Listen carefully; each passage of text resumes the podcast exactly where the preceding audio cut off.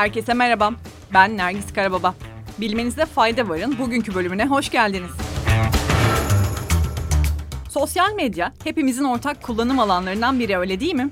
Cambridge Üniversitesi tarafından gerçekleştirilen ve yaşları 10 ile 80 arasında değişen toplamda 84 bin kişinin katıldığı bir araştırmaya göre sosyal medya kullanımını 11 ile 13 yaş arasında artıran genç kızların kendi yaşamlarının aldığı keyif ve hoşnutluk seviyesinin bir sene sonra düştüğü, bu durumun erkek çocuklarda ise 14 ve 15 yaş arasında görüldüğü tespit edildi. Başka bir yaş aralığında ise sosyal medya kullanımı ile hoşnutsuzluk seviyesi arasında herhangi bir bağ tespit edilemedi.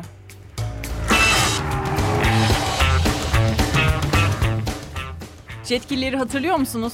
Etrafta gezen robotlar bir zamanlar ya bizim hayalimizdi ya da kurgu olarak yalnızca filmlerde gördüğümüz şeylerdi.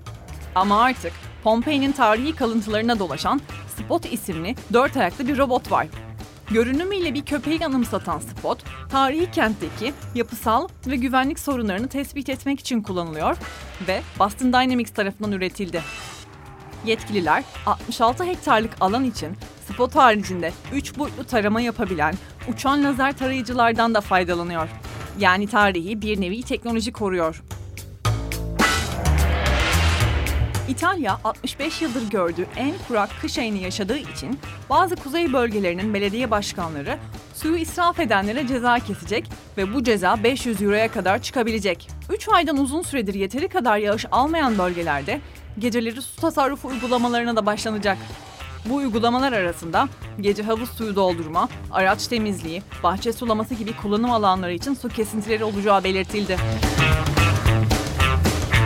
Hayatımızdaki pek çok şey gibi kıyafetlerimizin üzerindeki etiketler de giderek dijitalleşiyor. Bunu yapan markalar bu dijital etiketlere gömülü bilgilerin blok zincir üzerine şifrelendiği için daha güvenilir olacağını söylüyor ve sahte malların üretiminin önüne geçebileceğine inanıyorlar. Buna ek olarak sosyal ve çevresel konulardaki tutumları konusunda daha şeffaf bir iletişim içinde olabilmeyi umuyorlar. Yani bir sonraki alışverişinizde siz de elinize aldığınız herhangi bir kıyafetin üzerinde ipek bir etiket görebilmek yerine telefonunuzdan okutmanız için kodlarla karşılaşabilirsiniz. İngiliz Farmakoloji Topluluğu ve Kraliyet Hekimler Koleji tarafından yapılan bir açıklamaya göre hasta bireye uygulanacak olan genetik bir test sayesinde herhangi bir ilacın o kişide nasıl tepki vereceğini, nedenle etkili olabileceğini artık tahmin edebilmek mümkün. Genetik kodunuz ya da kısaca DNA'nız vücudunuzun nasıl çalışacağına dair bir kullanım kılavuzu olduğu için bu testler tedavi süresini kısaltabilir ya da hekiminizin sizin için daha etkili bir tedavi yöntemi belirlemesine yardımcı olabilir. İngiliz Farmakoloji Topluluğu Başkanı Profesör Mark Caulfield'a göre toplumun %99.5'inin genomunda bir tane değişiklik var ve yanlış bir ilaç almamız durumunda tam da bu bahsi geçen değişiklik yüzünden o ilaç ya işe yaramayacak ya da bize zarar verecek. Söz konusu genetik test ise önümüzdeki yıldan itibaren İngiltere'de yapılmaya başlayacak. Bugünlük bu kadar. Yarın tekrar görüşmek üzere. Hoşçakalın.